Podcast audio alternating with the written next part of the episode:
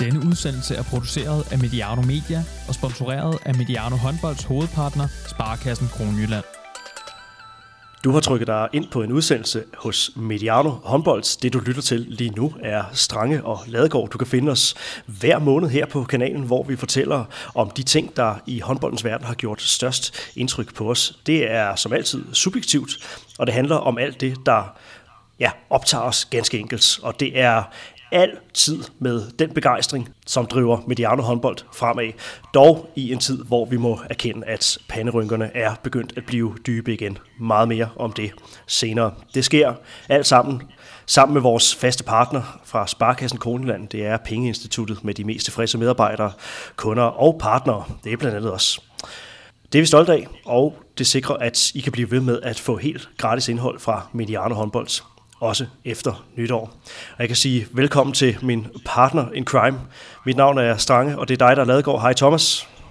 Hej Johan. Hvordan er humøret her primo november?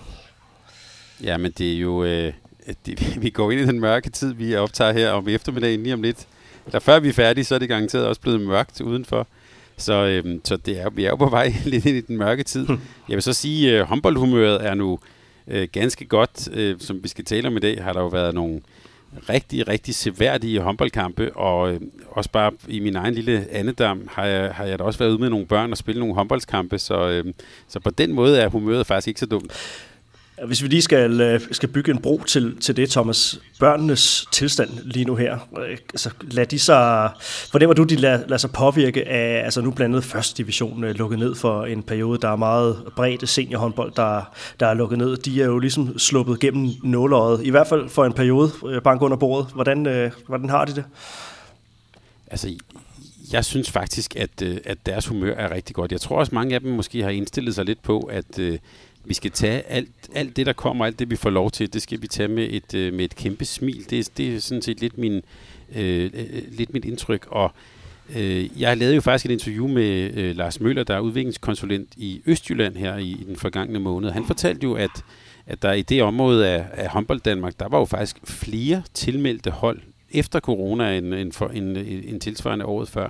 Og jeg vil faktisk sige, det det har også været lidt min sådan øh, egen lille anekdotiske oplevelse, det er, at der er faktisk, vi har faktisk fået nogle børn, der er kommet tilbage igen. Øh, Nå, det var godt. Som måske, som måske har fundet ud af, at, øh, at de savnede håndbolden lidt.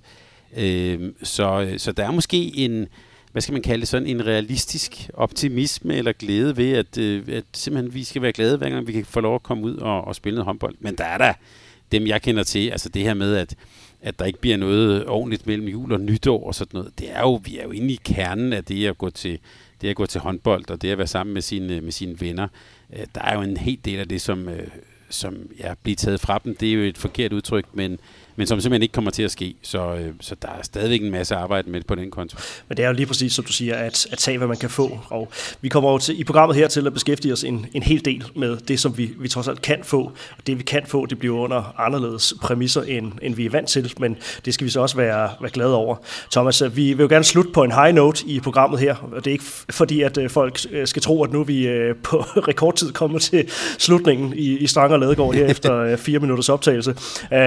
Men øh, med det også sagt, at, øh, at kurven den øh, skal lige tage et, et dyk sådan i forhold til, øh, til alvoren, og vi skal, øh, vi skal lægge ud med at snakke, at snakke covid-19. Vi, øh, vi slås stadig med det her i, øh, i den danske andam. Ja, så du, altså, du tænker, først skal vi lige ned, og så skal vi op til sidst. Er det, det kan vi love det, lytterne det? Det, det, det er sådan, jeg har tænkt uh, dramaturgien. Godt, Jamen, så, lad os, så lad os starte med, øh, så, lad os starte, så lad mig lægge ud med som dommedagsprofeten her, men... Øh, det, det, er siger, lige, det er lige din ånd. men som du siger, vi, vi danser jo stadig med, med, med coronaen, ikke? Pandemien er her, og den går jo ikke væk. Og jeg har her hjemme i vores, i vores lille husstand, der har jeg jo sådan det, det, det råd, at når man tænker tilbage på Lord Nelson, 1807, Første Verdenskrig, Winston Churchill, 2. verdenskrig, så har jeg den læresætning, som jeg har prøvet at lære mine børn, det er, at man skal altid være på hold med britterne.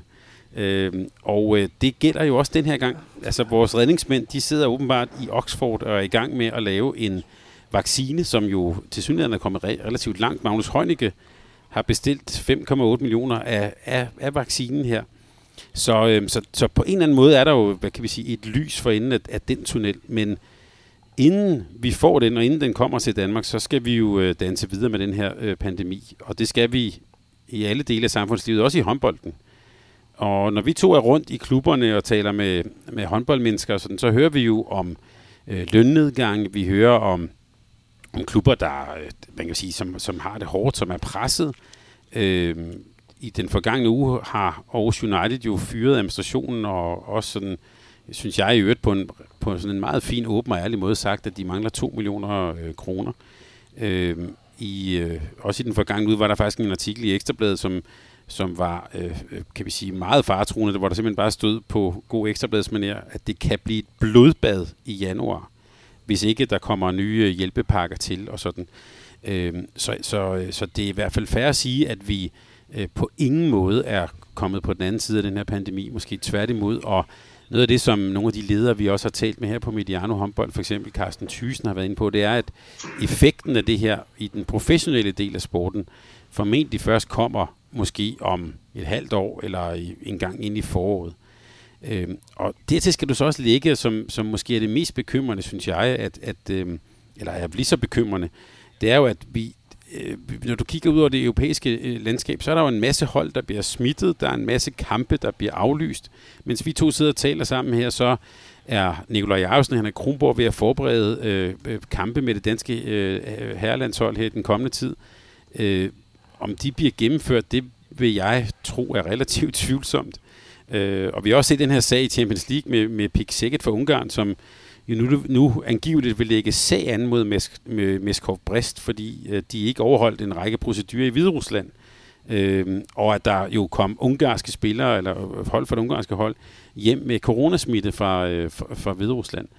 Øh, så så vi, har et, vi har et europæisk billede, som jeg også synes er i den grad er, er, øh, er udfordret. Så, øh, så at sige, at vi på nogen måde er på, ude på den anden side, og at håndbolden er fredet, det er det, er det slet ikke. Så vi, vi, går nogle, vi går en hård tid i møde, Johan. Ikke en dommedags øh, profet, Thomas, men, øh, men dog selvfølgelig med, med dybe bandrynker, som vi også øh, varslede indledningsvis. Thomas, vi snakkede i seneste Strange Ladegaard om, om det her med folkesundheden, og vi lagde lidt ekstra pres på, på et par forvejen øh, tyngede skuldre, Jesper Jensens, øh, Jesper Jensens skuldre, og ikke at folkesundheden afhænger af, af ham. Og der venter jo øh, en, en slutrunde i øh, december. Du jinxede så også, at Philip Faber ikke ville komme og, og spille. Det, det gjorde han så øh, fredag aften efter, efter et presmøde. Tak for det. Medina akustisk øh, og alt det her. Det var, det var super.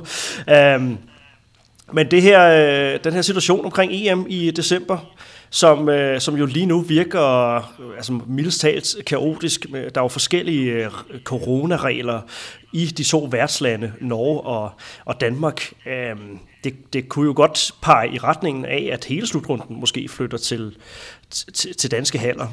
Vi plejer jo at, at glæde os rigtig meget til, til EM, og igen, vi tager, hvad vi kan få af håndbold lige nu her, men kan du glæde dig til en, en EM-slutrunde, der, altså, hvor optakten er så kaotisk, som, som den er lige nu, Thomas? Ja, det, det, det kan jeg godt. Det kan jeg godt. Altså, øh, og, og når du, du nævner Philip Faber, jeg kan bare sige, altså herhjemme, øh, vi kunne simpelthen ikke få os selv til at se Philip Faber, for det var ligesom at gå sådan tilbage i tiden. Øh, og jeg har faktisk lidt, jeg har det lidt på samme måde med den her slutrunde, at hvis den ikke bliver til noget, så synes jeg også, det er næsten ligesom, at vi går lidt tilbage i tiden. Øh, jeg, på en eller anden sådan psykologisk plan, øh, og det, det, jeg ved godt, det er meget mærkeligt, men jeg synes, der er, øh, øh, hvis der kommer øh, håndbold i december, og julekalender og så videre, det, det er på en eller anden måde at få lidt normalitet tilbage. Det kommer til at ligne en december, som vi, øh, som vi kender det. Øh, Øh, så jeg synes egentlig, at det er både vigtigt, og det er også en, jeg, jeg faktisk virkelig glæder mig til.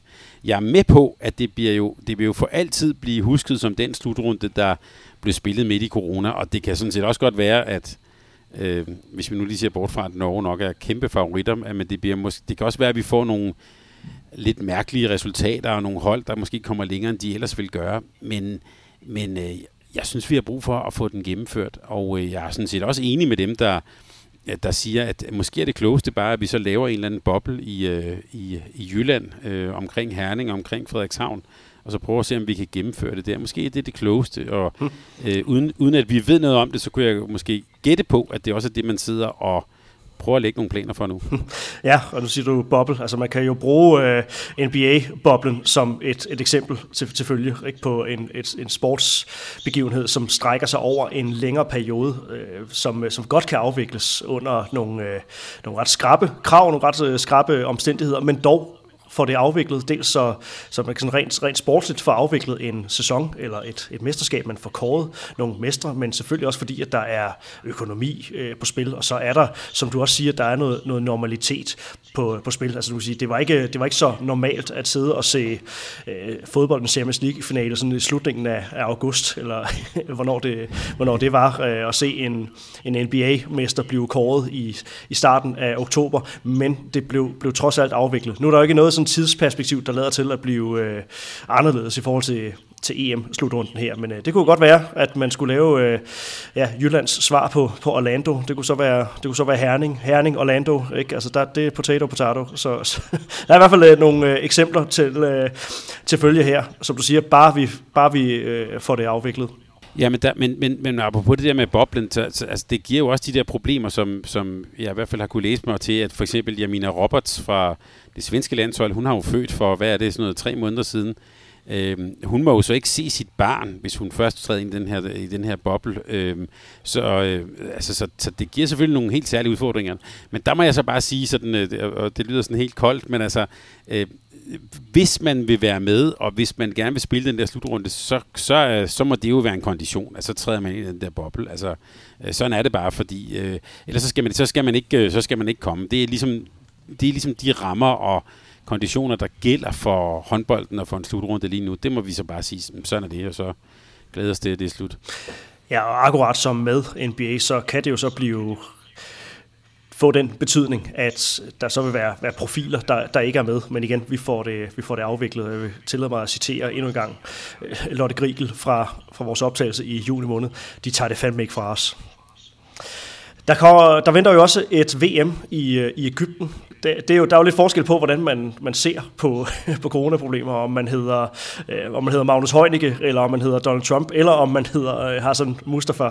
Øh, det kunne også godt ligne lidt af et kunststykke at få øh, sådan et, øh, et VM på egyptisk grund til at øh, fungere, Thomas. Ja, altså, øh, så vidt jeg har forstået, har Hassan Mustafa sagt, at det er ikke noget problem nede i Ægypten. Men no problem, no problem. Nej, men nu får de jo så alle de her europæere på besøg i forbindelse med VM. Øhm, så, så der har jo IHF jo kommet ud med, med en, en række sådan meget udførlige øh, tanker om, hvordan de også vil lave en boble i, øh, i Ægypten i, øh, i januar. Øh, og øh, man kan sige, egentlig er det jo, øh, man kan sige, det er godt tænkt, de har formentlig også gjort sig umage, men jeg gætter på, at der rundt omkring i de europæiske håndboldforbund og på de europæiske landshold nok sidder nogen, der er lidt nervøse for at komme ned til Hassan Mustafas øh, Ægypten og skulle spille øh, et VM under, øh, under corona. Altså man kan jo forestille sig alle mulige sådan skrækscenarier, men øh, en læge, der lige kommer og siger til, til Mikkel Hansen dagen før vi skal spille kvartfinalen mod Ægypten, at øh, ham der med nummer 24, han ser lidt syg ud, så ham må vi nok hellere tage ud, eller hvad det nu kan være. Altså, øh, jeg tror ikke, at det er, jeg tror ikke, det er med den største sådan tillid, at holdene sådan ser frem til det her øh, VM i januar. Øh, men altså, lad os da håbe, at det kan lade sig gøre, og lad os da håbe, at det kan lade sig gøre i, efter sådan en NBA-plan. Øh, det, det er måske ligesom den, øh, øh, øh, kan man sige, den sådan skabelon, der har lidt dannet præcedens for, hvordan man håber, at man kan gennemføre det. Ja. Øh, men, det er da, men det er da super ærgerligt. Altså, øh, jeg, er der, jeg er jo så gammel, jeg kan huske VM i Ægypten øh, i, i 90'erne, 99. Øh, sindssygt mange tilskuere, totalt gang i den, og ideen med det her er jo også, at det, vi gerne vil flytte sporten ud over Europas grænser, og Ægypterne har i øvrigt øh, øh, nogle rigtig gode generationer, gode hold på vej. Øh, så selvfølgelig også, øh, der kan vi bare igen bare sige, super ærgerligt, at det ikke bliver afviklet sådan, som, sådan, som det kunne være. Men, i, men jeg synes også, at det, vi må bare sige, at det er vigtigt, at det bliver afviklet, og at vi får set de bedste spillere. Slutrunderne er vigtigt for håndboldproduktet. Øh, så, øhm, så, så der må vi håbe på, at det kan lade sig gøre for få det gennemført. Mm. Og det er det også for os. Altså, det skal vi da ikke uh, lægge ud på som en del af mediemøllen, at det der er en, en vigtig del af vores årsjul, at, at dække de her uh, slutrunder, både for herrer og, og damer. Det er lidt den her uh, julekalender i, i december, og så får vi skudt nytåret ind med et brag, og, og når tømmermændene har lagt sig, jamen så, så er der herreslutrunde. Og det er vigtigt, og det er det også for os, så det vil bruge den her uh, lidt tunge snak om slutrunder til at gøre skamløs reklame for, at vi selvfølgelig kommer til at køre køre hårdt på. Vi har allerede startet indflyvningen mod kvindernes EM med de første to specials, øh, status efter det første Golden League-stævne, og, øh, og du, Thomas, du har, du har snakket med, øh, med Mette Tranborg, så vi er, vi er allerede godt i gang. Vi har åbnet de første par lover i vores, vores julekalender her på, på Mediano håndbold, så hold øje med, med kanalen og husk at abonnere og alt det der, så du kan få dækket kvindernes og herrenes slutrunde på, på vores måde. Der er jo mange ting, der bliver, der bliver udfordret lige nu her. Øh, det er skidt med, øh, med, med første division. De bliver, de bliver hårdt ramt. Det er altså også, øh, det er altså også arbejdspladser, og så jo generelt altså en form for jeg vil sige, bredde i, i toppen af dansk håndbold, der, der bliver ramt. Der er nogle ting i forhold til, at nogle hold må, må, må træne i forhold, til, øh, i forhold til deres kontraktmæssige situationer, og nogle må, må, må, må træne noget, noget mindre. Det giver jo, det giver nogle, nogle voldsomme øh, skævevridninger. Øhm, det bliver, det bliver endnu mere udfordret, når man sidder en torsdag aften og ser en ligakamp mellem øh, Fredericia og Skanderborg. Altså, vi elsker jo øh, fankultur i dansk håndbold. Det er der jo ikke sådan ret meget af, sådan øh, rendyrket, rendyrket fankultur, som man kender det fra blandt andet fodbold. Men på de her breddegrader, der er håndbold jo, øh, det er jo den der sang om, at, øh, at folk øh, sidder på deres hænder, øh, og, og, og når de ikke gør det, så er det med, øh, med, med klappølser og diverse. Men det er anderledes i, i, i Fredericia, og det, det elsker vi dem for. Men Thomas, det var ikke, det var ikke helt gode billeder, der kom fra, fra den langside den øh, torsdag aften, var? Nej, jeg så også, du, du delte også et tweet, hvor man, altså, det er jo øh, fans, der står op, som står tæt, og som også øh, jo er medlevende, men også, kan man sige, råber højlydt. Øh, altså, det er jo adfærd, der vil, hvis du havde været til en af de her sådan, sit-down-koncerter, så var du blevet smidt ud på røv og albuer af, af det der udsmidte korps, der nu er på, på spillestederne rundt omkring i Danmark. Øhm, jeg, altså, det er, og når det er på tv, og det er så synligt, øh, øh, det, det, det synes jeg bare, det, det var lidt uheldigt. Altså, jeg, jeg mener, om jeg lagde ikke lige mærke til det, for jeg, jeg kiggede mest på, øh, på, på ned på banen. Men, øh, men de der sådan billeder, der gik rundt efter kampen, øh, så uheldige ud, og det er jo også bare i den her tid, øh, altså, der vil være rigtig mange, som også vil gerne vil lege coronapoliti og sådan, så, så det gælder bare om, det gælder i både i breddehåndbolden og, og i den professionelle håndbold, vi, det gælder virkelig om at holde sin sti ren, for der vil være masser, som vil have stor glæde i at lukke det ned og sige, jamen prøv at se, de kan jo ikke forvalte det. Øh, så selvom vi sætter pris på utrolig meget den, den entusiasme, der er i Fredericia, så, øh, Øh, så bare lige et lille, hvad skal vi sige, en lille løftet pegefinger til, at øh, det så ikke super godt ud. Hm. Nej, det er sjovt, du nævner det med coronapolitiet, altså fordi det, det blev lige pludselig en, en katalysator for beslutninger, man tager.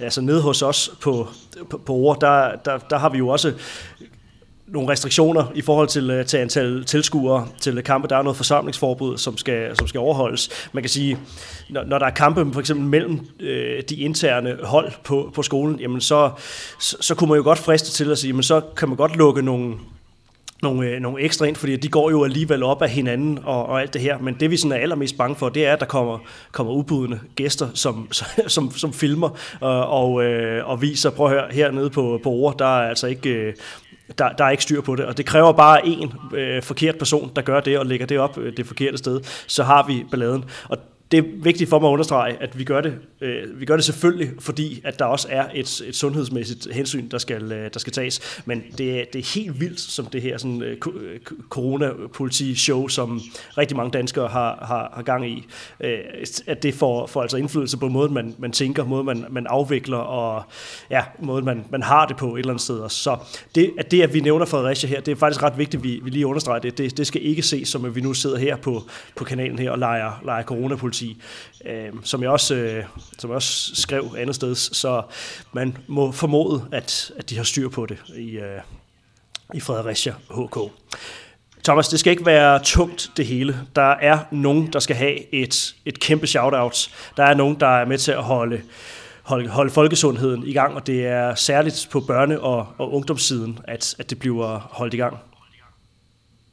Ja, øh, jeg, jeg synes, at når vi nu har en, en mulighed for at være lidt subjektiv og sende nogle, nogle, nogle shoutouts og nogle håndtegn afsted til nogen, så vil jeg gerne gøre det, øh, sende et stort skulderklap, som det hedder et andet program, afsted til øh, Danmarks Idrætsforbund, og måske i, i særdeleshed til Morten Mølholm, som jo sidste fredag, hvor enhver kunne se, nu kom der stramninger, øh, der var lagt op til et pressemøde. Vi ved alle sammen, når det er et pressemøde om aftenen med Mette Frederiksen, så er det som regel ikke så godt. Og det havde øh, Morten Mølholm altså læst på, på, i, på rigtig god afstand.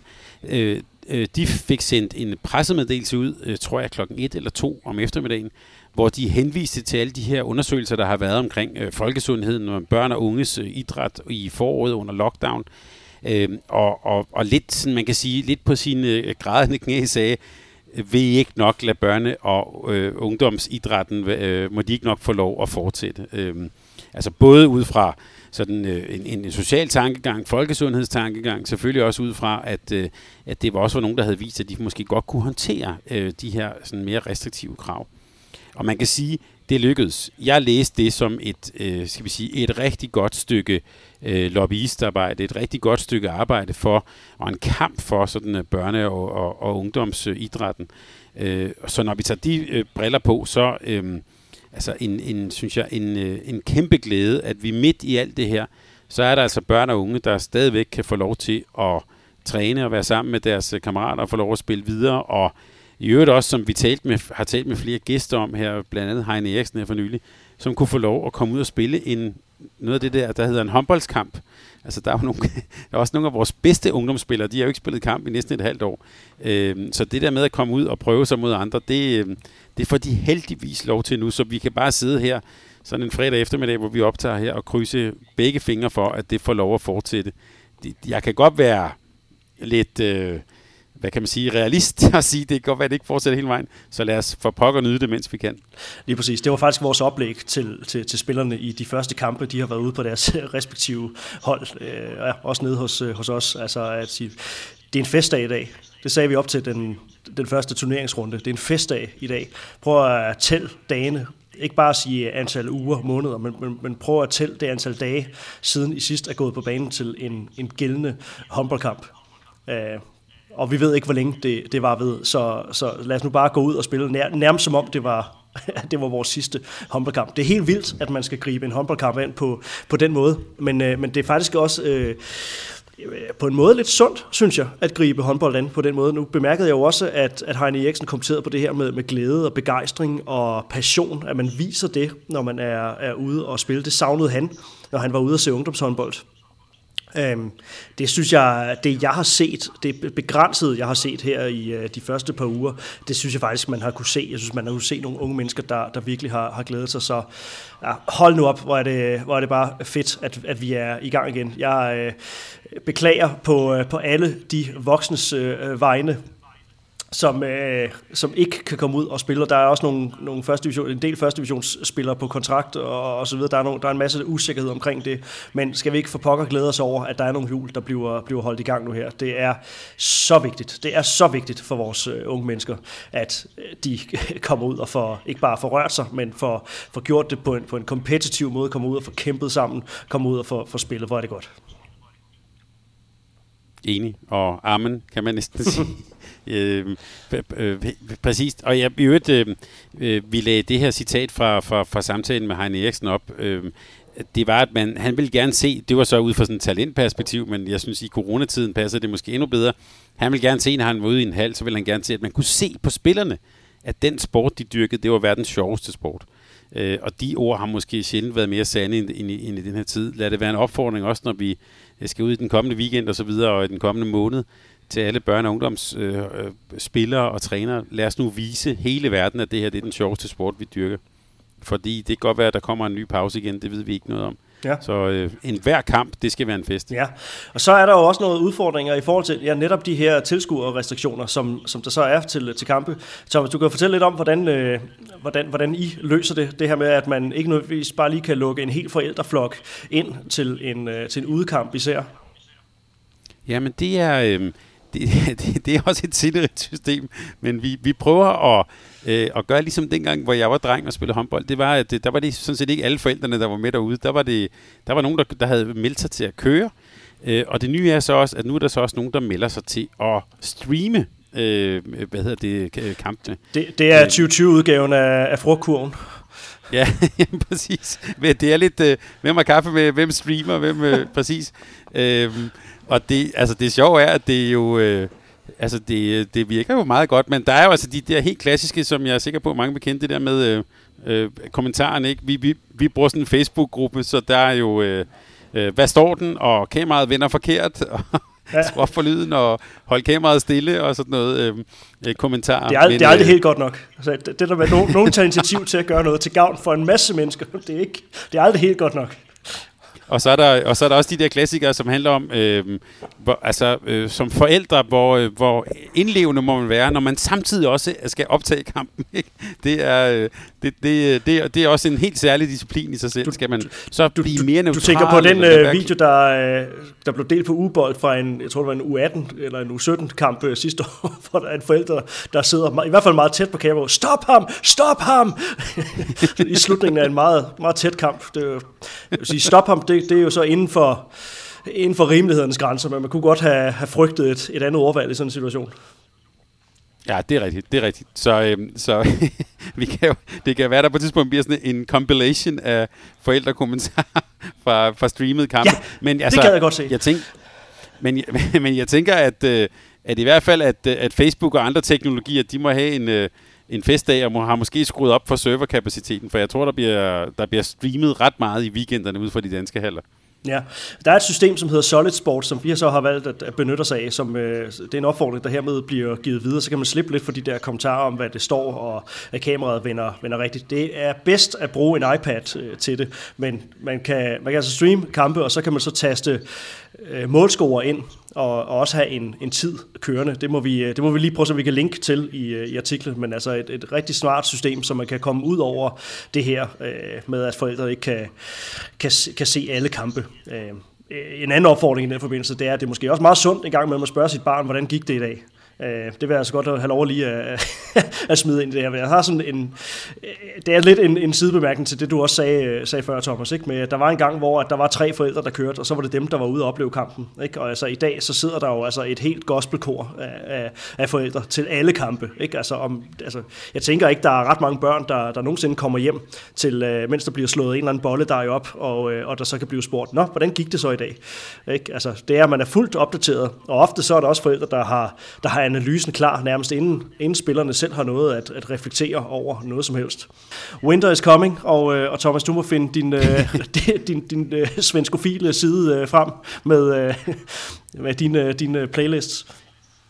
Ja, altså det, nu, talte vi, nu startede vi jo også med, med, ud med dommedagsprofilen, øh, på, øh, profethatten på, øh, og jeg har det jo sådan, at når det bliver mørkt, og vi går over til vintertid, så det er jo så det, at jeg tager min, øh, min, min svenskofile kendt playliste frem. Det er der, vi skal have fat i den, det nordiske mørke og det nordiske, den nordiske melankoli. Øh, så det, det, er, det er den tid, jeg er gået ind i nu her, når det bliver, når det, når det bliver lidt mørkere. Og Torstrøm også. Oh, jamen, Torstrøm, han er der altid. Ja, det er helt års. det, ja, det, det er helt års. Kendt ja. er mere, det er mere, det, det er mere sådan, øh, det er mere vinter, øh, vintermusikken. Ja. Du og jeg døde, øh, ja. Ja, præcis. Du og jeg døde den. Det, det, er jo, det er jo sådan en direkte reference til du og jeg, Emil, øh, og du og jeg, Alfred fra øh, Emil fra Lønneberg. Absolut. Så er det selvfølgelig bare døden med, med vores venner fra Eskilstuna. Øh, men apropos lidt det der med, med playlister, Johan, så, øh, så er vi simpelthen nødt til at tale lidt om det der med, øh, med musikken i hallerne, ikke? Ja. Igen. Jeg har taget lidt frem her. yes. Altså, skal, skal jeg så sidde og klappe i takt nu? Eller må jeg godt bruge mine hænder? Er det forbudt? Det, det, er, nu, det er nu, du skal klappe, præcis. øhm, vi, sidste gang, der talte vi lidt om det her med øh, smølfeudgaven og, øh, af, af Kim Larsen op i Holstebro. Øh, og jeg kan godt røbe her i den her coronatid øh, for lytterne her, der har jeg i den senere tid brugt uri, set urimelig mange ligakampe fra de danske haller. Og selvom man sidder sådan bag tv-skærmen, så er musikken jo en, sådan en stor del af oplevelsen. Øhm, og, og så nu, nu her, når jeg havde lidt tid, så prøvede jeg simpelthen at finde ud af, hvad det egentlig er, som bliver spillet ude i hallerne. Altså, for man kender jo ret mange af melodierne, og som du selv er inde på, de her klappesekvenser. Ikke? Det er jo tit, man går på, øh, på øh, der kommer sådan et drop, og så skal vi så klappe. Ikke? Det, øh, øh det, det, det er tit sådan, det er. Og vi fik hjælp af gode folk. Du hjalp mig, du hjalp mig også lidt med at finde frem til nogle af sangene.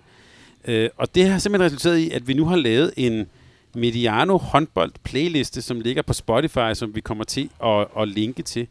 Øh, 40 numre, som er på den. Et greatest hits. Ja, det kan man godt sige. så great, som det nu kan være. Det kan man godt sige. Øh, men men, men du, du, for, du viste mig jo, at Spotify har jo, den her store musikplatform, har jo lavet en masse sådan nogle automatiske spillelister. Og de har simpelthen en genre, der hedder håndboldopvarmning. Det synes jeg er fantastisk. Og det fortæller altså, at vi har bevæget os ind et sted, hvor der... Altså, det er vi, vi taler om en helt musikgenre, simpelthen, øhm, som, vi har for, som vi har forsøgt at få fat i. Det, det er blevet et og koncept. der findes en del... Ja, og der er en del playlister derude, og der har været gode, øh, også gode øh, lyttere også på platformen, som har været sødlige og, og svare. Og, og jeg har prøvet at vælge 40 ud. Og jeg har været sindssygt benhård, fordi alt, hvad der bare sådan havde tilløb til at være en god sang, er selvfølgelig ikke med. Altså her tænker jeg på The Next Episode med Dr. Dre, som tit bliver spillet, eller Jump Around med House of Pain. Altså de er simpelthen for, for gode sange til at være med, så de er ikke med. Og så alt, hvad der er sådan af det der danske Killer Hilda, og her kommer mutter med kost og spand, og sådan noget, øh, det er heller ikke med. Så tilbage er, og det er så der, hvor jeg synes, at vores playliste bliver virkelig hardcore, det er jo den her blanding af EDM, ikke? Electronic Dance Music, og tysk slagermusik. Altså det, det er faktisk der, hvor, det er der, hvor vi er henne. Det, øhm. Thomas, undskyld, jeg, jeg, jeg synes simpelthen, det er så, det er så fantastisk. Altså, du, du spænder bredt. Altså, vi har lige siddet og snakket om Kent og, og Togstrøm og svensk øh, vintermelankoli. Ikke? Altså, så går vi direkte til, til tyske EDM og, og, og klappølser. Altså, hold kæft, hvor er du, øh, hvor er du, hvor er du dog et rummeligt menneske. Altså. Jamen, jeg vil godt, nu, nu, nu, nu er det jo kun også to, der taler sammen her, og, og lytterne der med os. Jeg, jeg vil godt røbe, og nu bliver, jeg, nu bliver det en lidt personlig afsløring. Altså på mine gamle dage er der virkelig gået sådan musikpolitiet i mig, det vil jeg godt indrømme. Så, så jeg synes jo egentlig, at den eneste ordentlige håndboldslutrunde, der har været, det er jo OL i 2012 i London, for der spillede de kun The Clash og Bowie i alle pauserne. Øhm, men jeg er med på, sådan, sådan kan det ikke være. Og, men jeg tror, at det handler om VM i 2007 i Tyskland, hvor vi fik det her Lardio og Ratata og så videre. Øh, jeg tror, det er derfor, at den der blanding af EDM og, og, og tysk slagermusik øh, kom. Øh, men vi har altså prøvet at lave den her, skære den her playliste helt ind til benet. Den ligger ude på, øh, på Spotify. Vi linker til den fra, fra, fra, alle vores, øh, fra alle vores platform. Vi kunne godt tænke os at få jeres kommentar til den. Altså, hvad har vi øh, overset? Øh, hvad mangler vi? Og det, vi skal huske her, det er jo øh, Mads Olrik fra Zetlands øh, sådan, øh, motto og credo, det er, øh, vi, skal ikke, øh, vi skal ikke ind og diskutere øh, musikspanen. Det vi skal se, det er, at vi skal have meget mere håndbold. Så vi, jeg kunne godt tænke mig at høre fra jer, hvad mangler vi, hvad har vi, over, ja, hvad har vi overset? Og når det så er sagt, så tænker jeg, at vi, så vil jeg godt bringe sådan en lille udfordring ud til, til hallerne og ligaklubberne. Fordi jeg, jeg kunne godt tænke mig at se, hvem er egentlig den første klub, som sådan tør, fast i, tør holde fast i det her med, at vi har musik, men som tør gå sådan deres helt egne veje. Man vil jo meget gerne, for virksomheder og strategisk, så vil man jo gerne gøre en forskel og være anderledes. Og jeg kunne godt tænke mig at se nogen, som måske, og høre nogen, som måske gerne vil prøve at gøre en forskel på det her område. For jeg tænker, det er jo ret ens, når man sidder og lytter øh, til håndbold øh, og ser kampe. Det er jo ret ens, det der foregår. Så øh, her tænker jeg, at det er et oplagt sted, hvis man gerne vil gøre en forskel og, og, og være lidt anderledes. Så hermed en, en handske kastet ud. Jeg håber, der er nogen, der tager den op. Må jeg, må jeg komme med en, med, en, med en opfordring også? Måske bare sluk. Ja, kør på. bare, hvis I tænker at spille noget, noget EDM, bare, bare, bare lad være. Bare, bare lad, lad tilskuerne klappe. Det, det, det kunne måske også noget. Ellers så må jeg smide øh, god gamle FIF i, i puljen, da, da de kørte med øh, på amatørbasis øh, mellem det hed FCK håndbold og blev til, til København håndbold, hvor at, at spillerne løb på banen til, øh, til We're Not Gonna Take It, Twister Sisters. Det var fordi, at der var den her øh, Bella Øl og Sæbe, sang man på, øh, på, på, den, på den melodi. Så ja, der er nogen, der har, har gjort noget anderledes, men øh, ja, min, min opfordring ville være at bare lade lad, lad, lad folk klappe og se, om, og se om ikke det også bare kunne skabe en stemning. Det, det, det er jo et forsøg værd. Og ellers så vil jeg jo sige, at det, det er dejligt med dem, der, der vil spille uh, Daft Punk med Around the World. Det er sådan mit, uh, det, det er et kult hit fra, fra da jeg var barn. Det er dejligt. Det kan man så også det, det er også 4 fjerdedel, åbenbart. Så det, det fungerer, fungerer også til klap. Uh, Thomas, lad os, øh, lad os lige vende tilbage til, øh, til, til håndbolden her, om end det var et, et, et dejligt, dejligt sidespring til, til dog noget, noget håndboldrelateret. Der er blevet spillet kampe, og der er blevet spillet gode kampe, der er blevet spillet god håndbold det er, så sent som i den her uge, så fik vi jo et, øh, et lille repeat af, af herrenes kvartfinaler i pokalturneringen, dog med, øh, med, med, sige, med kvindeligt fortegn. Tre ud af fire kvartfinaler, der gik i forlænget spilletid. Den ene endda i noget, noget dobbelt forlænget spilletid, og så ja, var det så var det så langt fra en, en uafgjort kamp, den, den fjerde kamp mellem, mellem Odense og Aarhus United. Men øh, ja, jeg tænker, de øh, på TV2 må, må klappe i deres hænder over, øh, over produktet. Det gør, det gør vi også. Der er altså ikke noget som, som, som tætte kampe, øh, når, der er, når der også er noget titel på spil. Det, det er fuldstændig fantastisk.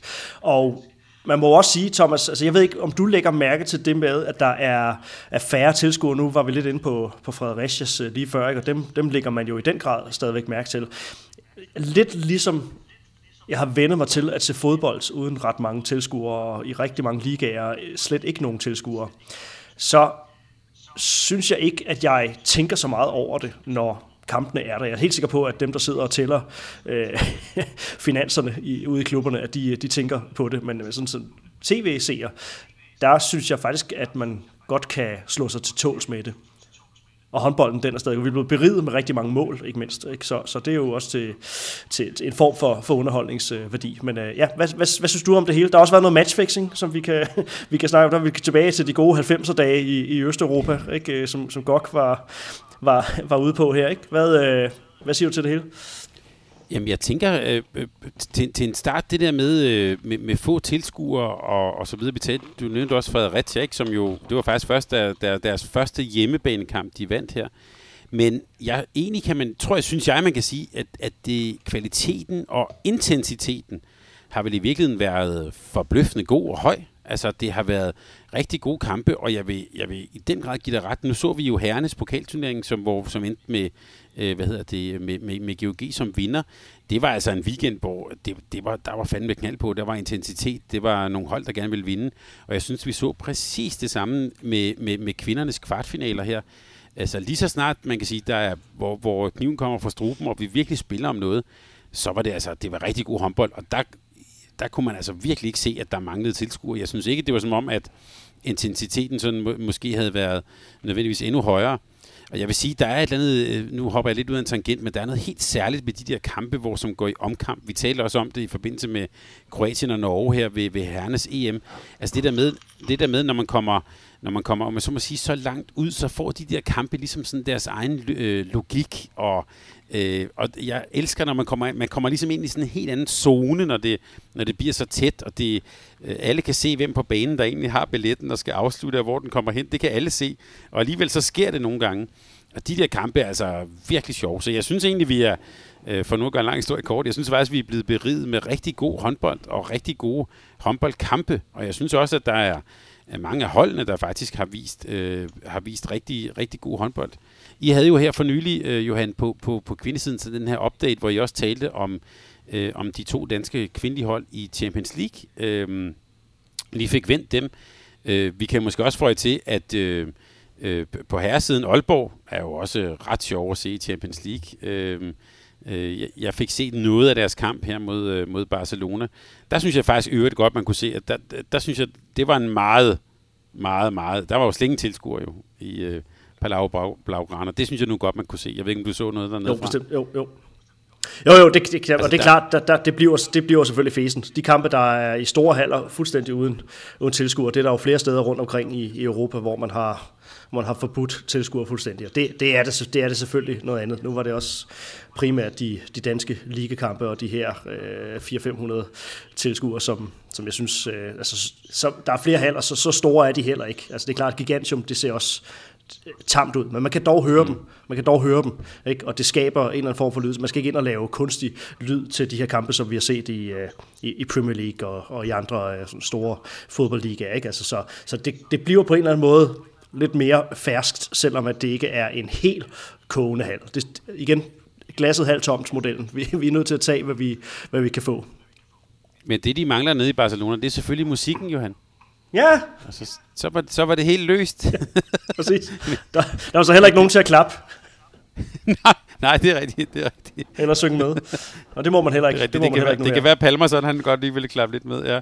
Kasper U. Mortensen havde jeg, ville jeg have høje forventninger til på den, på den, men han skal jo spille jo selvfølgelig så. Ja. Hvad, Men altså, hvad var det der med, med de, de der spanske kampe, der skulle bæres mundbind i? Altså, var det, øh, var det fake, eller hvad? Det, det fandt jeg aldrig helt ud af. Ja, ja, det tror jeg alle har set. Jeg, jeg så det også godt. Altså, sådan som jeg læste eller forstod det, så tror jeg, at det har været en... Øh, jeg tror, at der er forskel på regionerne i Spanien, hvordan de tolker øh, nogle af de der, altså ligesom i staterne i USA, så kan der være, så kan man, så er der forskelle. Altså der er noget, der er nationale regler, noget, der er regionale. Så, så, så som jeg forstod det, var det en, en af regionerne, der så havde tolket det, at så skulle man spille med mundbind. Øhm, det så spøjst ud, lad mig sige det sådan. Det håber jeg ikke, den er præcedens. Det ser grimt ud. Nej, men du, men du skal selvfølgelig, fra, her fra torsdag, skal du selvfølgelig tænke over, Johan, du skal jo have Altså, du skal have mundbind på, indtil du går i gang med det, du nu skal i gang med. Altså, hvis du er træner, eller hvis du spiller, så skal du det på, indtil du går i gang med aktiviteten, ikke? Ja, så jeg kan stå op og, og kigge på mit hold, varme op, og så kan jeg så sætte mig ned og, og, og tage det af. Eller der står jeg så også op igen, når der fløjtes, uh, fløjtes op. Ja. Ej, ja, jeg, jeg, jeg bliver træt af, af whataboutism, Thomas. Altså, det, det der er alt for meget af. Så, så der er alt for meget af det der. Så det, du siger, er, at jeg må godt det her, men det her må man ikke. ikke? Så, ja, det er præcis korrekt forstået. Noget må man, og noget må man ikke. Og sådan holder vi mm. julene i gang. Uh, ja, men matchfixing, Thomas, det var, ja. det var, det var en grimmer en. En lille, altså, en, en lille svejtisk ja, altså, intermezzo. Altså, det, det lykkedes jo i hvert fald kadetten Schaffhausen at vinde med en lige til sidst. Øhm, ja. over, over, over GOG.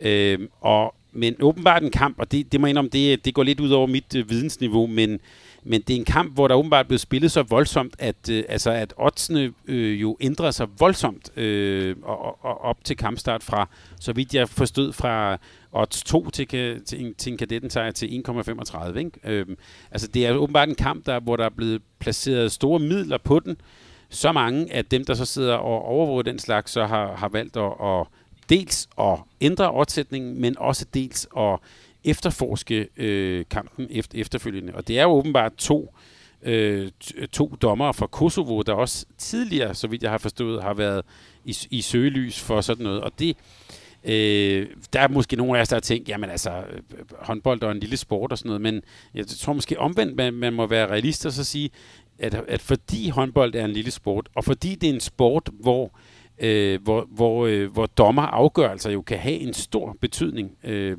så er det måske faktisk et sted, hvor vi måske øh, skal være forberedt på, at der kan komme mere af den slags, altså mere, flere forsøg på at påvirke, øh, påvirke kampe.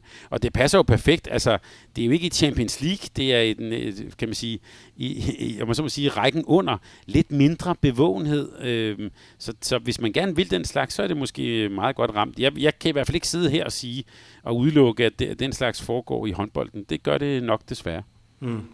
Vi har jo på fodboldafdelingen af Mediano-skibet en øh, odds-ekspert ved navn Benjamin Leander, som er, er meget inspirerende at høre på, når han snakker, snakker odds, snakker styrkeforhold og hvordan man, man lægger strategier og, og den slags. Jeg har også haft nogle, nogle snakke med ham omkring det her med, øh, med, med, med håndbold. Vi skulle have ham ind på et tidspunkt og, og snakke om, om håndbold, og han er selv gammel, gammel håndboldspiller. Øh, men noget af det, han også snakker om, det er det, man kalder de lavt hængende frugter. Og øh, det, det er jo passende, at du lige siger det der med, at det, er, at det ikke er Champions League. Det er den, det er den næst fineste turnering. Det vil sige, den der mindre bevågenhed, det gør jo, at det er måske lige lidt nemmere for, uh, for nogle, nogle, nogle magtfulde personer i kulissen, nogle mørke mænd, at, uh, få, at få fikset et eller andet. Uh, og det, nu, nu er det jo stadigvæk under, uh, kan man sige, under bevågenhed, den her specifikke kamp.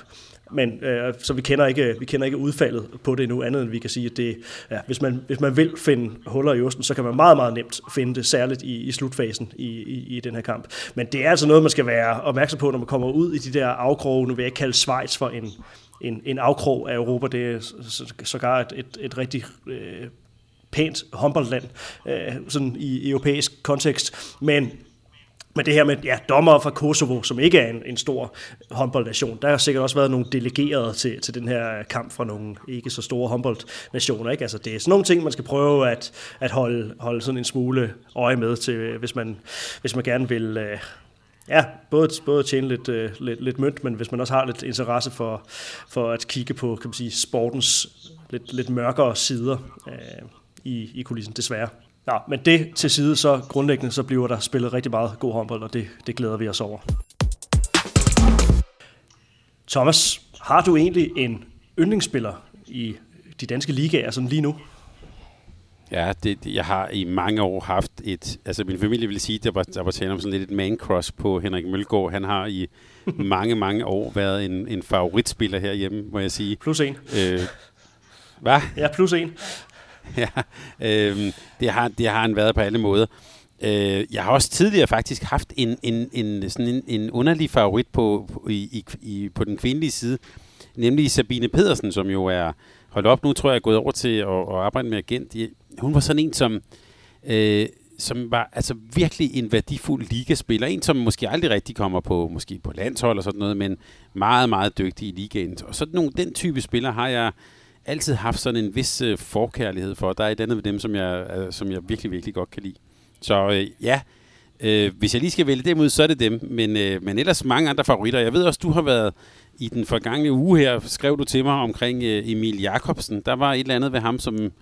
Altså, det er ikke, fordi han er ny, men øh, du var begejstret. Ja, jeg, jeg, jeg synes, han er fantastisk. Altså, og, og bliver i virkeligheden rost alt for lidt. Prøv at kigge, hvor mange gange han allerede har været op og kysse tocifret, og, og når han ikke gør det, altså ligger konsekvent mellem 6 og, og 9 scoringer. Han spiller så også stort set alle minutter for, for GOG, det, det, det skal siges, og de spiller, de spiller mange kampe. De er, gode til at, de er gode til at finde ham, men altså, det, er jo, det er jo så vildt, så, så lidt han, han brænder. Det ser så enkelt ud. Man ved bare, når han hopper ind over, jamen, så er det garanti for scoring. Altså, den, den der følelse af, hvor må det være fedt at have sådan en, en spiller på sit hold, man har Øh, øh, en, man bare kan smide den bolden ud til, og så, så skal han nok løse et, et angreb. Vi er begunstiget herhjemme af, af rigtig mange dygtige venstrefløje. Det er vi, det er vi rigtig, rigtig dygtige til at, at udvikle. Og, og han er altså sådan seneste skud på, på, på den stamme. Altså han får en, en fuldstændig fantastisk karriere. Han er overgang 98, han er kun lige startet er, har virkelig løftet sig, øh, ikke fordi vi skal gå helt ned i, i, i analysen og historikken, altså, men virkelig løftet sig fra at være en, der, der godt kunne øh, lege lige lovlig meget øh, på tidspunkter, hvor at det måske ikke var nødvendigt at gøre det, så er han altså, altså er virkelig blevet, blevet voksen i sit, øh, sit spil. Og altså, der, der er sgu lidt... Øh, det, det er selvfølgelig noget, man skal passe på med, øh, men jeg, jeg tror faktisk godt, han kan, kan bære det. Altså, jeg, når, jeg, når jeg ser ham, så tænker jeg altså på, på nogle af de helt store. Altså, jeg tænker Lars Christiansen, altså så skarp fra, fra hjørnet, og, og bare være god på alle mulige øh, øh, sikre varianter. Ikke noget, der nødvendigvis altid ser øh, fortryllende ud, men, men som alligevel ender med at få otte streger ud fra sit øh, navn på kamprapporten hver eneste gang. Altså kæmpe, kæmpe øh, skridt, han har, har taget i, i, i de her år. Og så en anden, jeg så også godt vil, vil, vil fremhæve, fordi at, at nu er det ved at være øh, sidste udkald. Nu er det Anders Sikkert. Vi har også nævnt ham på, på, på, i programmet her før, at og det er jo måske i den anden kategori af, af fløjspillere, en spiller, der rigtig godt kan lide at, at, at lege, og, og som man bare bliver i godt humør af at kigge på. Og ham skal vi selvfølgelig huske at nyde, mens, øh, mens han stadig er der. Ikke? Det er hans øh, uigenkaldeligt sidste sæson, det her, ikke? og slutter i, i, i Skjern håndbold. Altså, hvor, hvor, hvor, har han, øh, hvor har han beriget os med, med mange store håndboldoplevelser, og ja, ham, jeg glæder mig altid til, når Skjern håndbold er på skærm, fordi så ved jeg, at jeg skal sandsynligvis sidde og, og, og, og se på ham og hans, øh, hans glade ansigt, når, når han har scoret et af sine mange mål. Det, ja, han, han fortjener øh, at blive nævnt. Men, men lidt inspireret af det, og, og din øh, også begejstring for, for Emil Jarvesen, og, og det vi taler om her, så, øh, så, så udfordrer jeg dig lidt. For jeg, så synes jeg, at vi over for, øh, for vores lytter her skulle være meget ærlige, og så lave en slags øh, top 3, både af øh, spiller i kvindeligaen og spiller i øh, herreligaen, som vi to er, hvad skal man sige, fan af, eller i hvert fald holder af og elsker at se, øh, og elsker at se spille. Også når vi åbner fjernsynet, hvem er det så, vi godt kan lide. Så, så det synes jeg, vi skal åbenbare nu for, øh, for lytterne, hvem vi har valgt. Og lad os starte med, med kvinderne, Johan. Så kan du lige få lov at lægge for, og så skal jeg nok byde ind med mine top 3 kvinder bagefter. Hvem har du ja. på, øh, på din liste der? Ja, vi havde lidt aftalt, at vi ikke nødvendigvis skulle gå øh, af, af stjernevejen, og det må jeg så indrømme, det er, nogle, det er nogle ret store navne. Jeg ved ikke, om vi skal spille bilkort igen med, med vores navn. Jeg føler lidt, du, Der vinder du. du havde en edge på mig med, øh, med, med All-Star-holdet. Det, hvad var det? Dogme og All-Star-holdet for, ja. for et par måneder siden. Det var vist under, under coronaen, da den var, var værst. Uh, nej, jeg har, øh, jeg har verdens længste et år i forlængelse. Altså, hun burde uh, snart blive udstillet på Ripley's Believe It or Not. Sabine Englert glæder mig altid til at se. Det er jo ikke fordi, at det heller er specielt uh, jeg vil sige, underholdt. Ikke? Altså, fordi underholdningsværdien i en målmand, der, der et sted bare tager bold og på den måde bidrager til at holde scoren nede i, i en kamp, men, men den, den sikkerhed og, og den der altså, stoiske øh, arrogance, som hun, hun øh, nærmest øh, står med, de der lange arme, og sådan en, en, virker som om, hun er sådan meget afslappet, når hun, når hun går på banen. og alligevel øh, kan have sådan en kæmpe, en kæmpe karisma. Altså jeg ved ikke om, ja, du havde, du havde hende øh, Dino øh, fra Rumænien på dit øh, dogme All-Star hold. Jeg ved ikke om, om du kan følge mig i, at der måske er lidt, lidt nogle, nogle, øh, nogle tråde mellem, mellem de to. Vil du give mig den? Ja, fuldstændig, og jeg sidder faktisk også en lille smule ærgerlig over, at øh, Sabine Engler kunne også godt være stå på, over, over, over på min side, vil jeg sige. Det er sindssygt godt set. Og det er også sådan en, hvor man tænker, altså man, jeg bliver virkelig trist, når hun ikke skal spille mere i den danske liga, men, øh, men, øh, men hun kommer forhåbentlig til at fortsætte et, et år mere, hvis det er en årlig forlængelse. Det håber vi på. Ja, og det gør hun jo, fordi hun, øh, som, som Mark Iversen sagde i en af vores seneste øh, kvindeupdates, så øh, hun, kan ikke, øh, hun kan ikke stoppe i, i juli i år, så, så det bliver altså ikke i 21, at, at hun stopper. men øh, lad, os, lad os nu se, hun nærmer sig de 40, Sabine Englert. Uh, og så har jeg Estevana Polman og Mie Højlund derudover. Ikke? Sige. Det, er, det, det er sådan meget, meget klassisk, en meget klassisk sti, jeg, jeg går ned af der i forhold til øh, smil på læben, sælge sin sport, underholdningsværdi, teknisk dygtige øh, spillere, så der er ikke så meget mere, der skal, der skal, der skal siges om, om dem. Så ja, måske også lidt kedeligt at gå med nogle af de, af de store navne. Det er ikke så, udover England måske ikke så, ikke så hipsteragtigt at vælge Estervarte Polman, når man skal snakke yndlingsspillere i den danske liga. Øh, der, har jeg, der har jeg lidt større forventninger til, til, til, til dig. Der, der er jeg måske lidt mere lige ud af, af landvejen. Men øh, ja, lad mig, lad mig høre, Thomas. Ej, jeg ved heller ikke, hvor hipsteragtigt det er, men jeg vil, jeg vil godt lægge ud med en, øh, med en håndboldkvinde, som øh, vi øh, faktisk har talt med på Mediano håndbold her den sidste måned, og som jo i lørdags fik øh, et, et stort og tårvedet comeback for København håndbold, nemlig Maria Lykkegaard. Hun har som, øh, som type på, på banen, og egentlig også uden for banen, øh, har hun altid været lidt en favorit for mig. Den der indædte fightervilje, man kan bare se, at det er næsten sådan... Øh, i enhver sådan, øh, del af hendes spil, hun vil simpelthen bare vinde.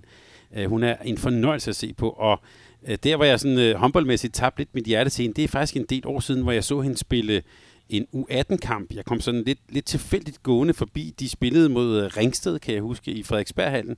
Og jeg kom sådan lidt tilfældigt gående forbi. Det, der var halvandet minut tilbage, og hendes hold førte med 17 mål. Og så øh, for, har de en, de har, står i forsvaret, der, der er en parade, og så ender det med, at der ligger en løs bold op på midten. Og der kommer Maria Lykke altså bare, og jeg, jeg gentager lige, de fører med 17 mål, der er halvandet minut igen. Der kommer hun farne op, og altså og kaster sig over bolden, man kan bare høre det der, igen og godt den der lyd af sådan et brændsår på et trægulv, øh, bare ud over hele hallen. Oh, jeg kan næsten mærke øh, og der, øh, Ja, og der tænker jeg bare, det der, det, det er fandme fedt. Øh, og, og jeg synes, at den, øh, hver gang jeg har set den, jeg kan også huske, at de spillede den der U-finale, UVM-finale i, i Moskva, der er på et tidspunkt, hvor hun bliver simpelthen snydt, så, øh, så vandet driver af hende øh, på et ret sådan, øh, afgørende tidspunkt. Og så prøver den samme spiller, så prøver de at lave en duel på hende i næste gang. Og der, jeg vidste bare, uh, det der, det får hun ikke lov til at gøre to gange. Og det gjorde hun heller ikke, og Danmark blev verdensmester. Det, der, er, der er hun helt sikkert lade sig inspirere af Katrine Folund, ikke? hvor man også ser EM-finalen på hjemmebane i, i 2002 øh, mod, mod Norge i Aarhus må det være. Ikke? Og, og der, vi har vundet kampen inden for det sidste minut. Der er også et angreb. Norge, de, de skyder og skyder. Der er også lidt parader der. Hun bliver ved med bare smide sig efter, efter bolden. Ikke? Og det er jo... Eller alle de andre, de står og er, altså, Jan Bytlik, han ser ikke det sidste minut. Altså, han er i gang med at juble og, og kramme, ikke? Og, og flere spillere er også øh, i gang. Ikke? Altså, Frohlund, hun spiller kampen færdig.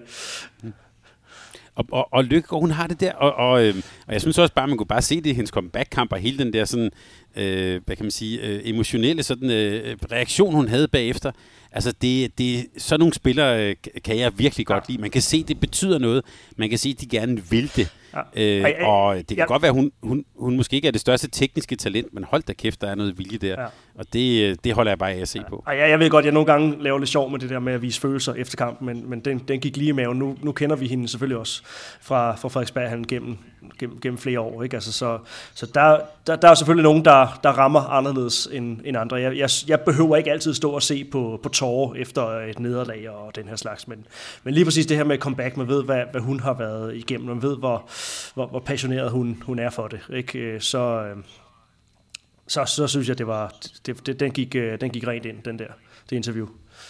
Men så har jeg den næste. Den er måske lidt mere over i hipsterafdelingen, Johan. Øh, og det er en, en, øh, en ung spiller, årgang 98, så vidt jeg husker, øh, Line Berggren Larsen, øh, som jo nu spiller i øh, Aarhus United. Hende så jeg for første gang for hvad, sådan noget halvandet år siden, tror jeg, øh, også i en ligakamp. Øh, og det er en ung spiller, men hun, jeg synes simpelthen, hun kan så meget. Øh, hun er sådan en typen, som man, øh, når, når man ser Aarhus United spille, øh, ofte venstre bak, øh, det er ikke, hun er ikke sådan en, hun er jo ikke sådan specielt høj, eller har sådan en særlig fremtoning, men jeg synes, når hun spiller, hun gør simpelthen så mange rigtige ting på en, øh, på en håndboldbane. Øh, og jeg, jeg så hende live i en hal, og der kunne jeg også sådan, øh, øh det er det, der er det fede jo at se ved live håndbold, der kan man også sådan se på spillernes reaktion, eller når de bliver taget ud og sådan noget. Øh, hun kom godt nok også med noget, synes jeg, både noget energi og noget attitude øh, ind, ind, ind til kampen. Det er også en, der, der ved det. Hun har været i vores U-system og sådan noget. Øhm, øh, jeg synes, en meget, meget dygtig spiller, øh, som jeg virkelig glæder mig til at se folde sig ud i, øh, i Aarhus United. Øh, hun er nok en, der er gået en lille smule under radaren, men øh, øh, hvis jeg ikke, fordi vi skal udskrive, øh, udskrive folk her, men øh, hold øje med hende, øh, Line Berggren Larsen, Aarhus United, øh, synes jeg er en meget, meget spændende spiller. Hende, øh, hende glæder mig altid til at se, når, når de er på skærmen. Der er, der er så, hipsterpoint til dig, Thomas. Det, det er der. Ja. Det er godt set.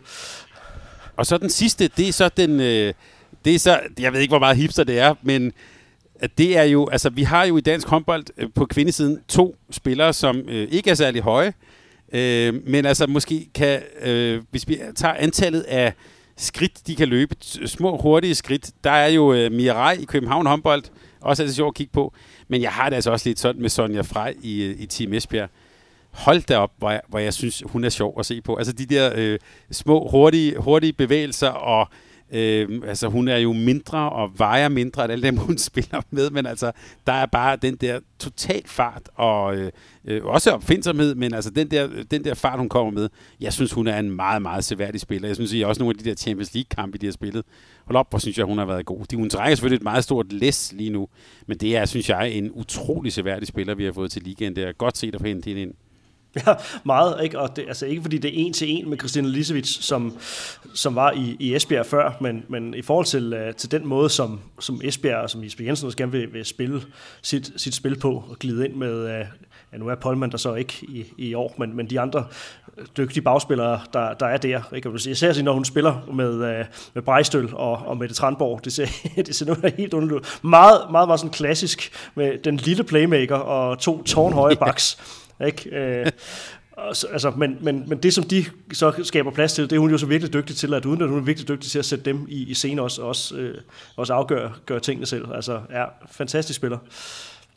Ja, og så, så vil jeg, altså, jeg vil bare sige, altså, øh, øh, øh, øh, hvad hedder det, Mirai og hende, det er jo lige, altså det der ord, du er selvkanin, altså, de kommer jo så også med så meget energi indefra, synes jeg næsten, man kan se. Ikke? Det er godt nok også indet, når, øh, når Sonja Frey, hun spiller. At, det synes jeg også er, er inspirerende, udover at det er sjovt at kigge på. Så Ja, det var mine tre, øh, øh, tre kvinder. Ja, øh, og jeg synes jo, at jeg vil godt gemme, jeg har jo allerede nævnt de to af mine på, på herrerne, så vil jeg godt gemme den, den sidste, fordi at øh, det, han, han er, er central i det næste punkt, som, som vi skal snakke om, øh, det, det faste månedlige øh, holdpunkt. Så, så ham vil jeg faktisk godt øh, gemme og gøre det til en bro. Så du får egentlig lov at, at fortsætte talestrømmen her. Øh, ja, tre herrespillere, som, som du gerne vil, øh, vil, vil fremhæve. Jeg, for, jeg forstår, hvor du vil hen, Johan. Ja, øh, jamen, men tre herrer, øh, ja, den ene, øh, eller vi har faktisk, det er nogen, det er så helt ukendt, det er de ikke, men jeg vil godt fremhæve her øh, Morten Balling fra, fra Skanderborg håndbold.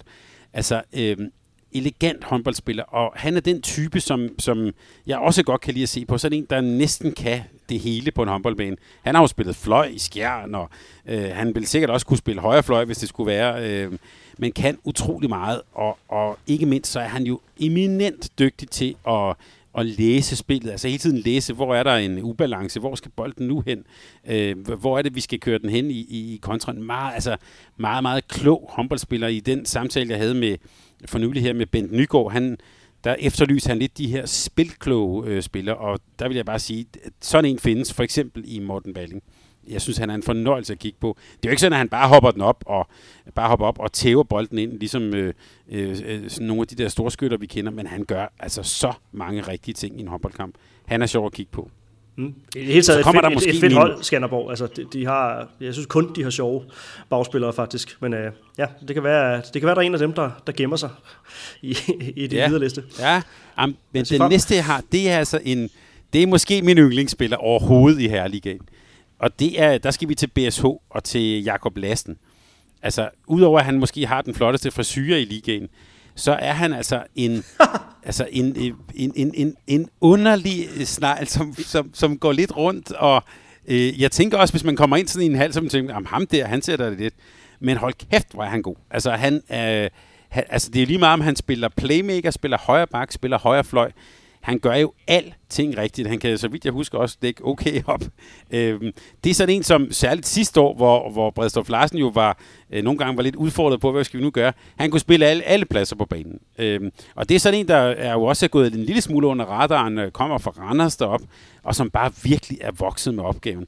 En, jeg synes jeg, en utrolig dygtig og også øh, klog håndboldspiller, der kan løse rigtig, rigtig mange opgaver på et hold sådan en, man bare må sige, hold op, hvor er det fedt, vi har sådan en som ham. Han er jo ikke, det er ikke ligesom Øres, som bare laver nogle gange sådan nogle underhånd helt nede fra gulvet og river dem op i hjørnet og sådan noget.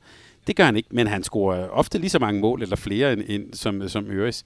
Så ham synes jeg virkelig er en, øh, han, er ikke, han er ikke en gem spiller, men ham, ham synes jeg virkelig er seværdig. Så det, det er i hvert fald en favorit. Og så skal vi til et, et, et nyt navn på, på den danske ligascene. En franskmand, ja, det, det, en meget, det er jo en sjældenhed, at, øh, at vi har spillere, der søger den vej, og vi havde jo forventninger til ham i, i sæsonen her, ikke? at øh, nu skulle vi endelig se den, den franske håndboldskole på, på dansk grund. Er du, det er blevet indfriet, kan jeg forstå? Ikke helt. det, er, det er det vel ikke helt. Men, men der kan vi sige det der gamle hashtag på vej. Øh, det vi taler om er jo Noah Godin, som er kommet til Sønderjyske. Tror jeg, så han ser det jo som en... Øh, næsten både geografisk, men også spillemæssigt sådan vej ind til den tyske Bundesliga. Det er hans drøm.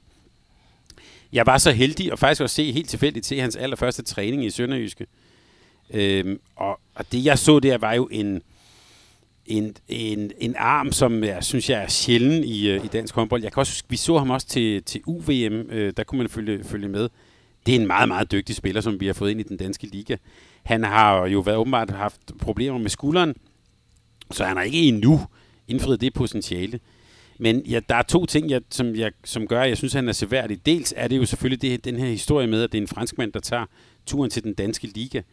Og det andet er selvfølgelig også hele hans historik. Altså, jeg kan huske hans far, Christian Godin, som stod på mål på det, på det franske øh, VM-guldvinder. Og det der med, at vi, at vi får sådan en, øh, en fyr og sådan en historie ind i dansk håndbold, det er selvfølgelig noget, som jeg synes er rigtig fedt. Når det så er sagt, så faktisk vil jeg sige, det jeg glæder mig allermest til at se, det er, at jeg glæder mig til at se ham blomstre i den danske liga. For når man så ham til, til UVM, øh, så, så er det altså det er en topspiller, som, som kan være en spe her. Øh, så at se ham få lov at, at vokse, det vil jeg glæde mig rigtig, rigtig meget til. Han er virkelig også en, der vi kunne sige one to watch, og en, som også er på vej. Altså spiller, der er valgt lidt mere på, på forventningens glæde, end, end det reelle output indtil nu. Ja, det vil jeg godt medgive. Modtaget. Så lad os komme til endnu et fast månedligt holdepunkt her på Strange Ladegård, nemlig månedens øh, social medieanbefaling, den digitale guldbjørn, som vi sådan øh, lettere sarkastisk har valgt at, at kalde det. Og øh, på den måde får vi også øh, bundet sløjfen på, på vores, øh, vores, vores lister her over vores, øh, vores yndlingsspillere. Og det er også, øh, der, altså der, der, må, der må du give mig, at der, er vi, øh, der, der rammer vi øh, hipsterfaktor her. Thomas. Øh, og det er altså en, vi, vi længe har haft i, i kikkerten. Det, det pokkers det der med, når man kun kan vælge en per måned. Så vi har, sådan, har det med sådan line en 3-4 stykker op sådan af gangen, og så er de næste måneder sådan øh, øh, vinget af. Så nu er turen altså kommet til the one and only Teller, Emil Tellerup fra Fredericia HK. Fantastisk. Ja, på, banen, på, ret, på banen det, og uden for banen. Jamen, jeg sad også og tænkte på, da, da vi, hvorfor har vi ikke haft ham endnu? men, men sådan er det åbenbart. Du vil have Silvio øhm, først. Ja, det er rigtigt. Ja, ja, okay. Der er måske også et, lidt, et vist slægtskab der, kan vi måske godt tale om. Ja. ja. Men Emil Tellerup øh, er øh, simpelthen månedens øh, So Me øh, anbefaling, og hyldest kunne man næsten også sige. Og, og altså, han kan få den alene bare på grund af hans navn på Instagram, som jo er Satans sidste beundrer. Det er jo i sig selv. Altså, det er jo grund nok til at få den, øh, ja. vil jeg sige, i sig selv. Men når man så går ind og kigger på indholdet der, så, øhm, så er vi oppe på, en meget, på en meget højt leje. Så øhm, Ja, utroligt, at vi ikke har været omkring ham med før, Johan. Det, det, det, det, det skal vi beklage, Emil. Ja, du har jo i den grad fortjent den anbefaling. Et, som et, altså en person, som også øh, viser sig som et, et godt og varmt øh, menneske uden for, for banen. En meget, meget underholdende person. Inde på banen øvrigt en, en rigtig dygtig målmand. Altså var, var helt kampafgørende her øh, i, i går aftes. Øh, vi optager her fredag, så torsdag aften for, for Fredericia mod, mod Skanderborg. Jeg synes virkelig, han har haft, haft gode kampe i, i den sæson her også. Og øh, også noget, vi har, har gemt på, men øh, vi har en, en aftale med ham her senere på, ja, på november måned, så der kommer en udsendelse med Emil Tellerup i løbet af, af november måned her på, på Mediano håndbold. Det, det glæder mig rigtig meget til at, at, at snakke med ham omkring det her. Det kan godt være, at det bliver lidt en, en serie. Nu skal vi også lidt til at snakke om, hvad, hvad der venter i den kommende tid på Mediano håndbold, vores lille spiseseddel, men uh, sådan en serie om det her med at falde, falde uden for kasserne. Uh, de her øh, ja, berømte båse, som vi indimellem i talentsystemet har det med at sætte spillere i, at vi også, som vi også har talt om på, på, på programmet her, Øh, at nogle gange et lidt, lidt stereotypt billede af, af håndboldspillere som sådan en, en lidt grødet masse, så skal vi, øh, skal vi snakke med blandt, blandt andet Emil Tellerup omkring øh, det her med at være, ja, ikke bare at være anderledes, øh, men at være sig selv, at have sig selv med, når, når man, øh, når man også er en, en offentlig kendt håndboldperson, altså Ditte Vind, øh, som vi også har kåret til månedens anbefaling her på falder også i, i den kategori. Ja, der er måske et eller andet med den der gamle sang om, at, at målmænd de er, de er specielle, Thomas. Johan, jeg synes faktisk, at du rammer Emil Tellup rigtig, rigtig godt, fordi det han jo er, er jo ikke, at han er øh, anderledes bare for at være anderledes. Det, det der er med ham, det er, at han er sig selv. Øh, og det, det, det skinner igennem, både når han spiller håndbold, når vi møder ham uden for banen i interviews og så videre. og det er det, jeg synes, der gør ham så, øh, jeg vil næsten sige beundringsværdigt, det er, at man kan mærke, at det er et rigtigt menneske, som, øh, som jo også brænder for det her med at spille håndbold, men også et rigtigt menneske, som... Øh, øh, som, som, som har holdninger, og som også tør at lægge ting op på, øh, på Twitter eller Instagram, som handler om alt muligt andet end øh, game day, men som også handler om det amerikanske valg, eller øh, menneskerettigheder, eller, øh, øh, eller historiske begivenheder, eller et eller andet. Øh, det, øh, eller basket går han også op i. Man kan mærke, det er et rigtigt menneske. Det er det, jeg prøver at sige. Og det synes jeg er befriende, og det vil vi gerne hylde ham for her. Freudianske analyser af asiatiske tegnefilm og, og alt muligt. Altså det, det er ikke kedeligt på, på Twitter. Instagram er, er mere i den sjove ende, selvfølgelig. Men, øh, men, men Twitter, det, det er faktisk det, det der fra min øh, side er faktisk er den, den, den største anbefaling, når, når det handler om satans sidste beundrer. Det er i hvert fald uh, Tellerups største beundrer, Strang og Ladegaard her.